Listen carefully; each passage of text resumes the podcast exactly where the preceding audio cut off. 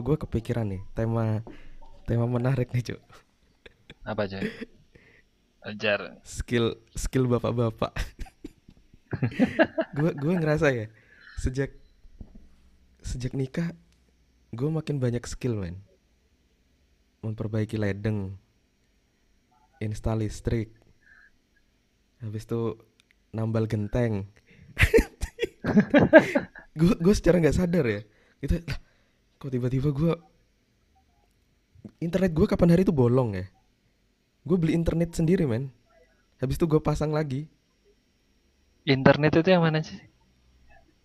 atap atap itu yang putih tuh Oh, plafon. Eh, apa? Hmm, Eh, plafonnya iya, iya, iya. iya.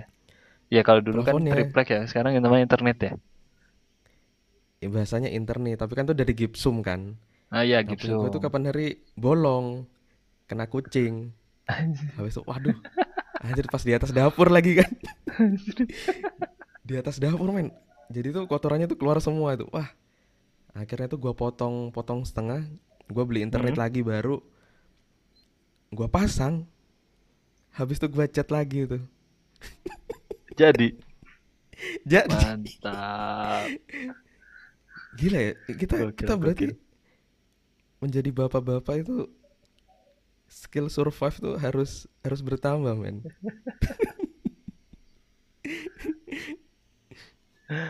Tapi skill simple yang yang apa ya? Kepakai banget. Maksudnya aku juga baru nyadar. Kalau skill-skill kayak gitu dari dari dulu aku inilah eh, alhamdulillah di di rumah di keluarga aku dulu sebelum nikah eh, cukup aktif ya karena emang anak-anak saudara gue kan juga cowok semua ya. Jadi kalau ada sesuatu di rumah gitu pasti Babe ngajak anak-anaknya entah itu benerin benerin genteng, nguras toren, benerin listrik atau segala macem lah. Cuman yang gua sadar bahwa itu bergu- berguna banget ketika nikah adalah masang regulator. Regulator LPG. gas Asli. Ya ternyata nggak semua orang, maksudnya apalagi pasangan kita cewek gitu, maksudnya eh, istri kita atau mertua kita itu eh, kadang masih ragu-ragu buat masang gas atau panik ketika begitu masang regulator bocor ini mesti diapain kayak gitu loh. iya sih itu Itu kadang gua ya masang ini gua regulator udah ganti dua kali nih pertama pertama nggak bener ya. Udah ganti yang lebih bagus sering Tetap. ngowos juga. Tapi emang sih itu itu skill gua regulator tuh udah dari zaman zaman kuliah lah ya. Itu mulai sering ganti-ganti gitulah. Jadi nggak nggak terlalu nggak terlalu panik sama gas itu. Hmm. cuma kalau udah ngowos tuh kan ya memang ada bau kayak gitu ya? Wah itu udah Iya. aja udah langsung langsung angkat. Kayak gitu. Jadi udah udah udah terlatih lah kalau itu. Cuma ya itu kalau bangsa nguras toren. Gue kan nggak pernah kan? Nguras toren habis itu ngoprek-ngoprek mobil. Gue zaman gue nggak pernah men. Dulu itu gue nggak pernah sama sekali megang gituan. Gue mesti panggil tukang. Habis itu setelah berumah tangga semuanya gue lakuin sendirian jadi Gue kalau otomotif belum. Otomotif gue belum. Masalah motor. gue otomotifnya juga standar mobil. mobil copot aki Oh. kayak tinggal gitu yang yang ya remeh-remeh lah nggak sampai modif macam-macam lah itu pokoknya asal tahu tahu daleman itu udah, udah cukup gua masih sekarang Kalau kalau motor gue masih masih berani ngoprek lah. Istilahnya kayak eh ganti lampu, ganti aki atau ngecek ini eh, double starter nggak nyala itu masalah di akinya atau masalah di mana kayak gitu. Itu oke lah, bongkar-bongkar itu oke. Tapi kalau mobil gue masih belum belum berani sih dan emang nggak pernah juga. ya itu memang gue jadi mikir eh ini kayaknya skill ini harusnya kita dapat memang sebelum nikah sih. Kita udah at betul. least tuh pernah gitu loh. Mm-mm. gue sempat sering sering ribut gue malah dulu sama istri gue gue pro Kenapa manggil tuh? orang. Ya kayak eh, apa ya waktu itu benerin air lah ya. Sempat mati atau apa. Nah istri gue tuh pinginnya sendiri karena di rumah dia tuh sendiri mesti. Eh, Nah, papahnya kan. Itu mesti semuanya memperbaikin sendiri. Lah gue kan beda ya basic keluarga gue kan. Kalau bisa tukang kenapa enggak? Lah itulah yang tertanam di gue ya udah kenapa nggak panggil tukang aja gitu? Dulu kan nggak mikir ya gue ya namanya anak ya ikut orang tua sekarang baru kerasa manggil tukang aja udah berapa ratus ribu cuy nah iya, itu pertimbangannya kerasa sekarang kan? duit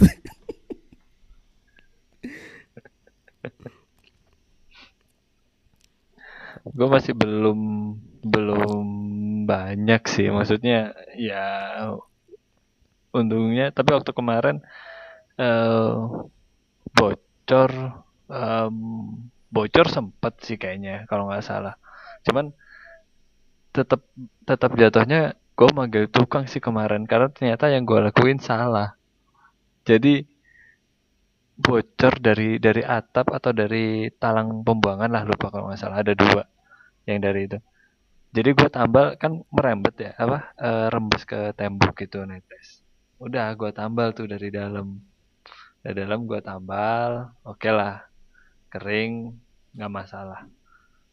Terus ternyata begitu hujan gede lagi, hujan angin gitu, dia rembes lagi tapi geser ke sebelahnya, geser agak nah jauh lah gitu. Terus akhirnya gue cerita kan ke ke Sebabe gitu, bocor nih kayak gini.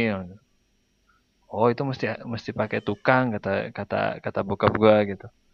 Karena bisa jadi bocornya kalau dari dalam titik bocornya di situ, asal mula airnya itu nggak nggak selalu dari situ. Itu mesti udahlah biar tukang aja. Akhirnya bener sama manggil tukang. Waktu itu kalau kebetulan kalau nggak salah eh, di rumah Sebabe lagi lagi bangun terus akhirnya tukangnya dua orang disuruh ke rumah gua buat ngecek.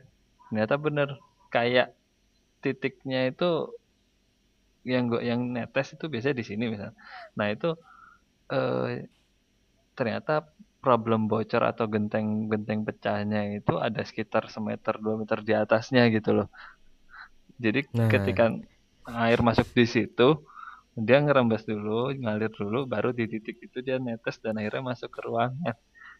Kalau kayak gitu mah nggak akan beres kalau nggak tahu ilmunya.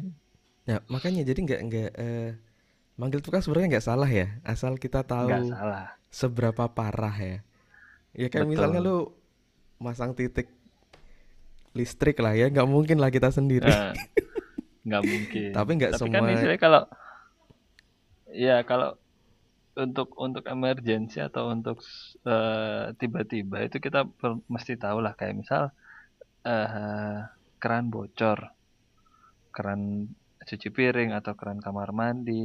Kalau kita nggak tahu jalurnya kan ini mesti matiin dari mana nih gitu. Gimana Mm-mm, mm-mm. antisipasinya itu juga kan penting kayak listrik eh, apa namanya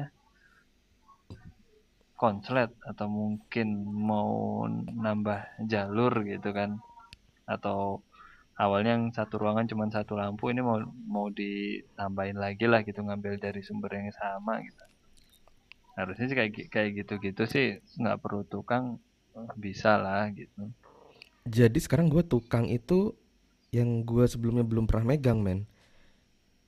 Eh jadi gue ngeliat caranya dia gitu. Hmm. gue pertama tuh panggil tukang tuh sekarang. Jadi gue panggil eh, misalnya nih oh ini ada rusak ini nih.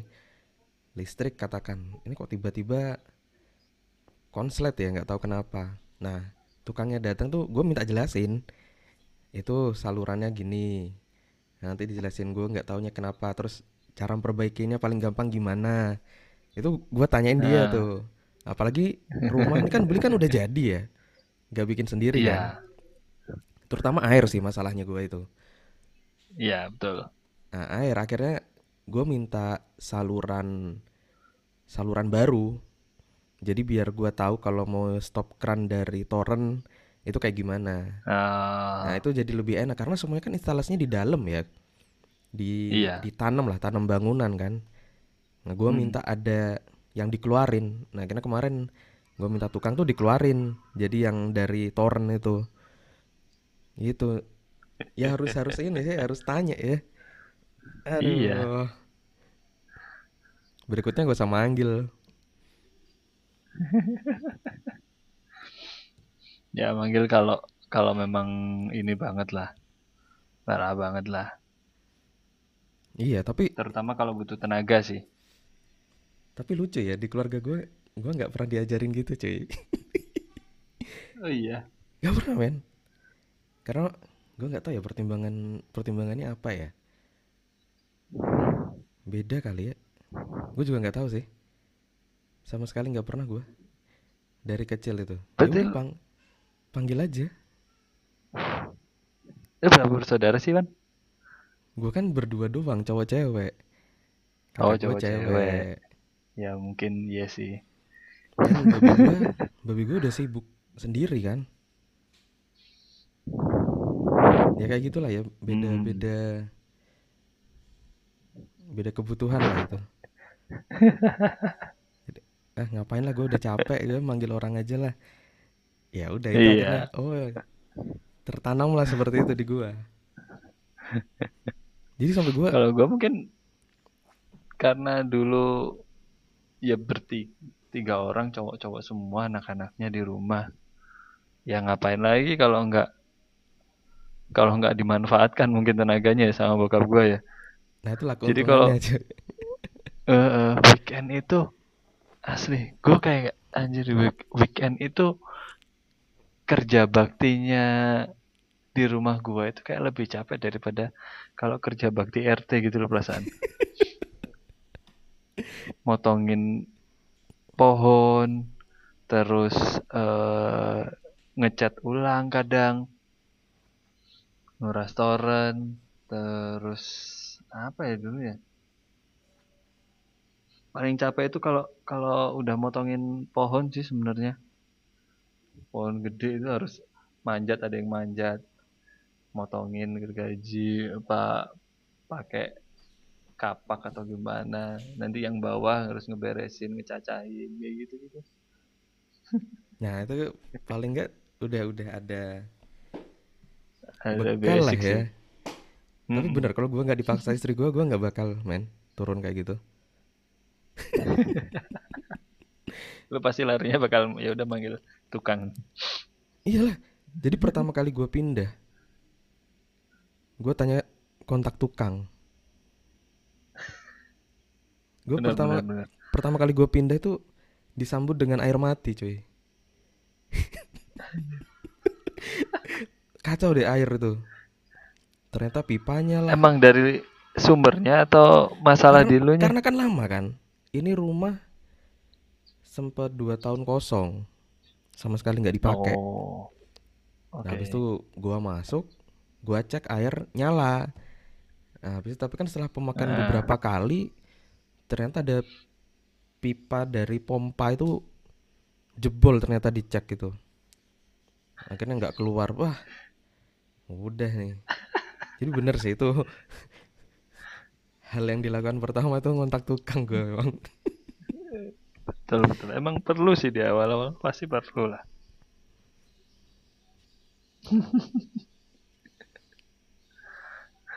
tapi gue selama Tapi di sini nggak terlalu itu apa? sih eh belum nemuin yang hal-hal aneh sih gue paling paling parah yaitu genteng genteng gua sih itu itu yang Hmm.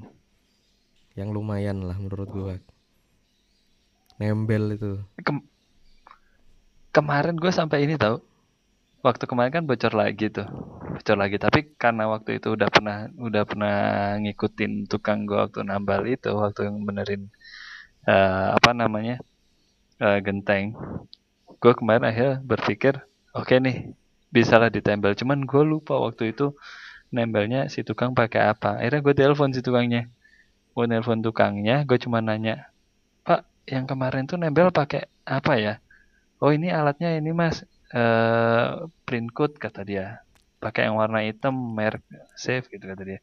Nanti cara makainya gini gini gini gini kata kata si tukang itu. Oh oke okay, ya udah. Gue udah oke okay, yakin gue bisa nih ngerjainnya gitu.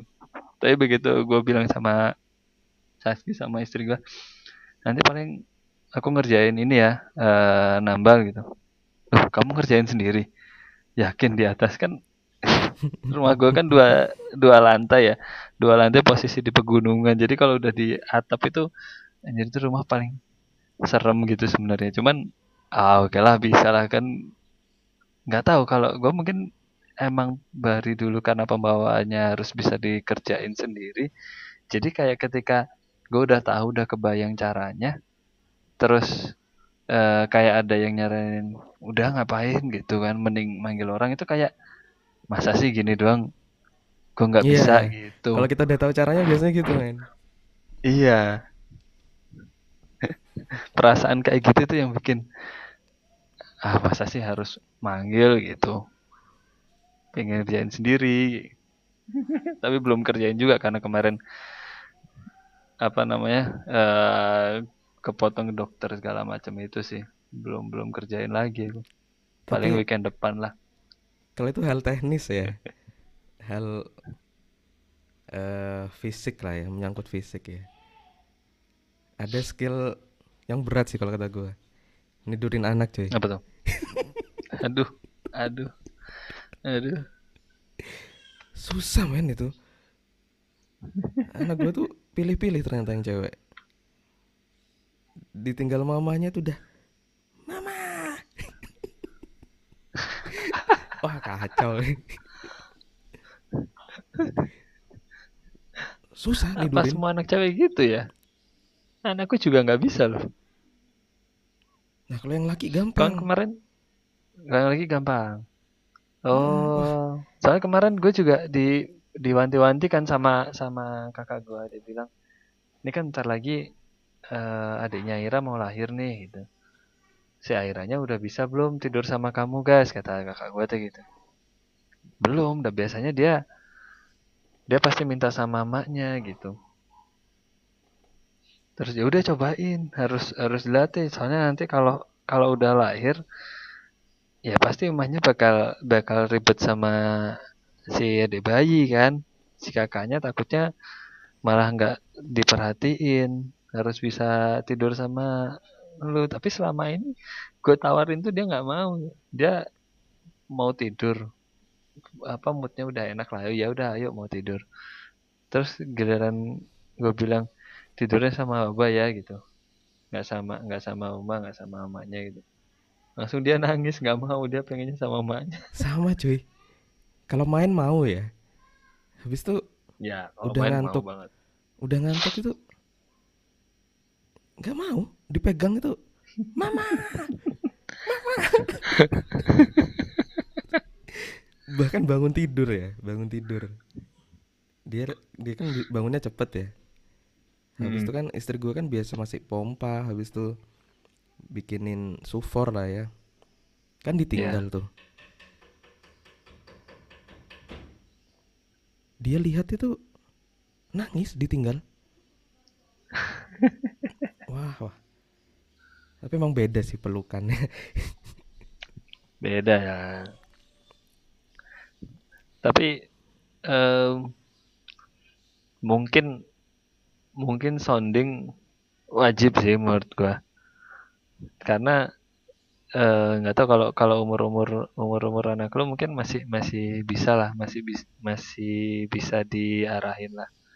Saya waktu waktu dulu uh, temen yang yang seumuran Aira ya itu ada beberapa temen gue yang dia ketika berangkat kerja itu juga anaknya nangis minta paling nggak diajak motoran dulu seputaran lah gitu kan idealnya kan gitu kan Mm-hmm. Tapi tapi anakku dari Aira itu dari dulu pernah kayak gitu, pernah pernah nangis, pernah minta apa namanya uh, ngikut dulu kan ketika aku berangkat.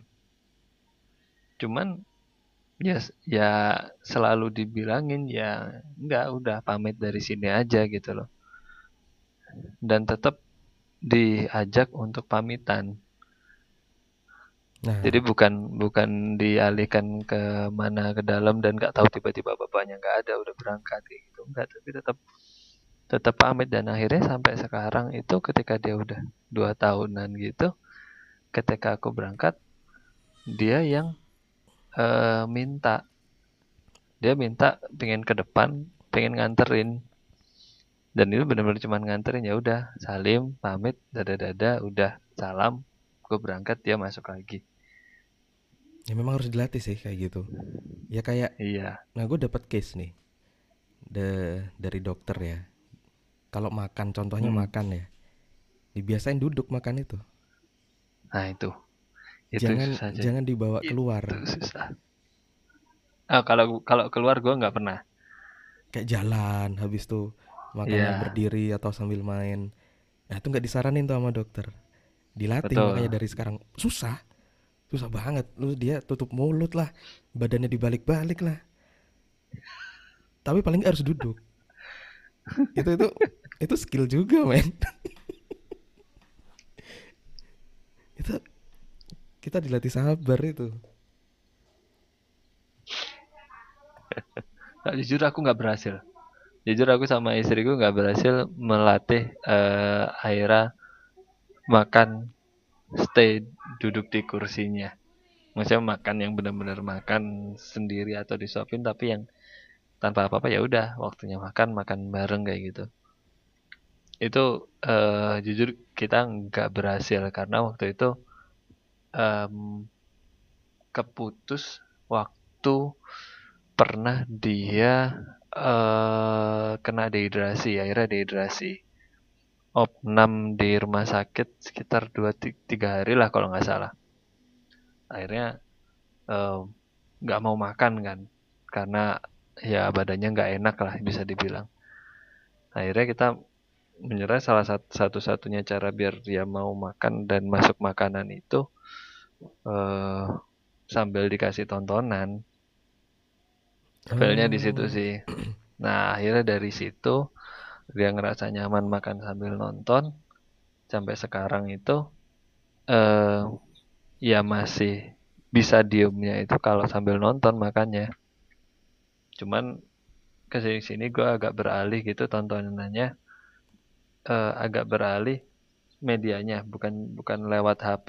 Jadi kadang kalau kalau pas gue di rumah atau lagi di rumah ayahnya gitu yang eh, TV-nya bisa connect ke YouTube atau ada ada saluran kabel kartun, gue Mhm. lebih arahin ke situ. Jadi jarak pandangnya agak lebih jauh daripada ke HP kan. Atau via laptop kayak gitu dia jarak pandangnya bisa agak lebih jauh tapi anteng. Cuman kalau nggak ada apa-apa, nggak ada tontonan, udah tuh pasti lari ke sana kemari. Walaupun tetap di dalam rumah. Oh gitu. Iya. Padahal waktu itu udah sempat bisa itu gue kan beliin beliin ini kan eh, kursi makan kayak yang di kafe-kafe tuh yang dari IKEA Mm-mm. yang tinggi karena kalau yang pendek itu dia bisa lompat lah gitu istilahnya karena kakinya kan masih mijak kan ada pijakan. Kalau yang tinggi kan dia nggak ada pijakan. Jadi lebih anteng dulunya. Tapi ya begitu semenjak kejadian itu udah. Sekali-sekali sih kadang dia mau. Kalau gitu kalau lagi mau gitu ditawarin ya udah duduk di kursi makan. Oke sambil ngelihat luar atau mungkin eh, sambil makan bareng gitu. Tapi dia tertariknya makan duduk itu kalau makan bareng. Sampai sekarang sih itu kalau pas yang makan bareng-bareng semuanya makan gue makan mamanya juga makan gitu kan. Kita duduk bareng dia mau. Oke pakai mejanya sambil di piring makan. Kadang makan sendiri kadang disuapin kayak gitu. Cuman kalau Hmm. jadwalnya dia makan sendirian misalnya yang lain udah pada makan wah itu susah. Nah itu sih. Ya harus kebiasaan ya berarti kan memang. Mm-mm. ya itu harus dilatih sih. ya mumpung anak gue masih kecil ya. Jadi bisa dilatih lah. Ya itu harus dilatih. Mending dari kecil daripada pas gedenya susah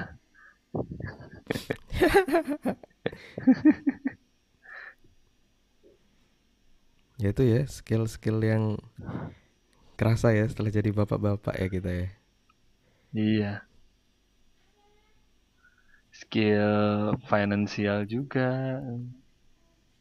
Kalau buat orang-orang yang nggak pernah mengatur uang atau mungkin dulu selama sama orang tuanya eh, ya udah butuh berapa harian misal kayak kayak uang saku harian kayak gitu giliran sekarang udah nikah mah pusing ya. Tapi kalau duit memang itu spesial di istri gue sih. Semuanya iya? men. Mm-mm. itu kesepakatannya gue sih gitu ya. Jadi soal pokoknya semuanya yang ngatur istri lo Heeh. udah pokoknya gue gue serahin lah udah gitu. Udah gitu. Ya memang dia basicnya keuangan. Oh kalau aku sama istriku diserahin ke aku Jay eh, beda. Karena ini kayaknya seru nih. Ya, kita kita bahas nanti ini buat ya topik selanjutnya. Oke boleh lah nih. kita nanti cari episode lagi untuk kita bahas tentang ngatur keuangan. Karena panjang panjang. Detailnya panjang. Ini kalau ada yang mau share skill apa yang berguna buat bapak-bapak silakan nih. Kalau kita boleh boleh kurang banget. mungkin ada yang mau nambahin teman-teman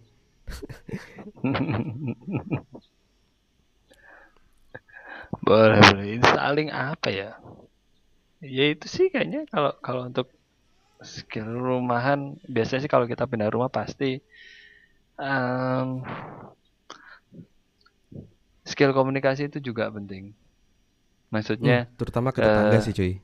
Itu gue kerasa banget ke itu tetangga iya. Tetangga iya. Komunikasi lu misal baru nikah pindah rumah atau punya rumah. Yang awalnya ngontrak misal jadi punya rumah lu pindahan pakai apa juga? Nggak tahu kalau kalau sekarang mungkin karena karena apa namanya teknologi udah makin kenceng ya. Udah banyak aplikasi lah kayaknya untuk pindahan. Tapi kalau rasanya waktu kemarin gue pindahan itu gue masih harus nyari truk-truk atau pickup pickup yang di pinggir jalan gitu loh. Untuk nego pak ini saya mau pindahan dari sini ke sini berapa? Kayak gitu. Nah gue enggak tuh. Gue pindahan pakai pakai GoBox gue soalnya. Ya iya lu kan udah mau gabuk coy. Gue nyari truk coy. Tapi kalau komunikasi yang kerasa sih ke tetangga ya. Kadang kita ngomongnya biasa ditanggepinnya lain. Itu itu yang perlu jadi diperhatikan sih cara cara ngomong ya. Ya. Karena tetangga beda-beda. Heeh. dan statusnya udah jadi bapak aja bukan anak lagi. Nah itu dia lu nggak bisa cuman cuman numpang hidup ada di lingkungan itu tanpa bersosialisasi. Tanpa kenal kanan kiri lu gitu. Nggak ya bisa. Meskipun hanya itu ya kita sekedar nyapa lah. Ya tetap tetap nongol lah itu. Tetap tetap kalau enggak iya. jadi omongan juga di sini mah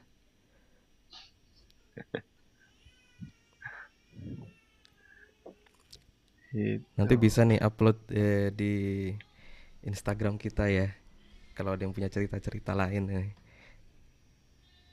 boleh boleh. Bisa komen bisa DM segala macam. Kalau ada yang em, kepikiran ada yang mau dibahas atau mungkin ada yang menarik kisah-kisahnya yang baru merit nah kita bahas bareng seru itu. boleh. Oke guys mungkin sip. sampai di sini dulu show kita hari ini. Oke lain kali kita sambung lagi. Semoga semuanya sehat. Rezeki lancar. Kita ada waktu buat ngobrol-ngobrol lagi. Oke, thank you.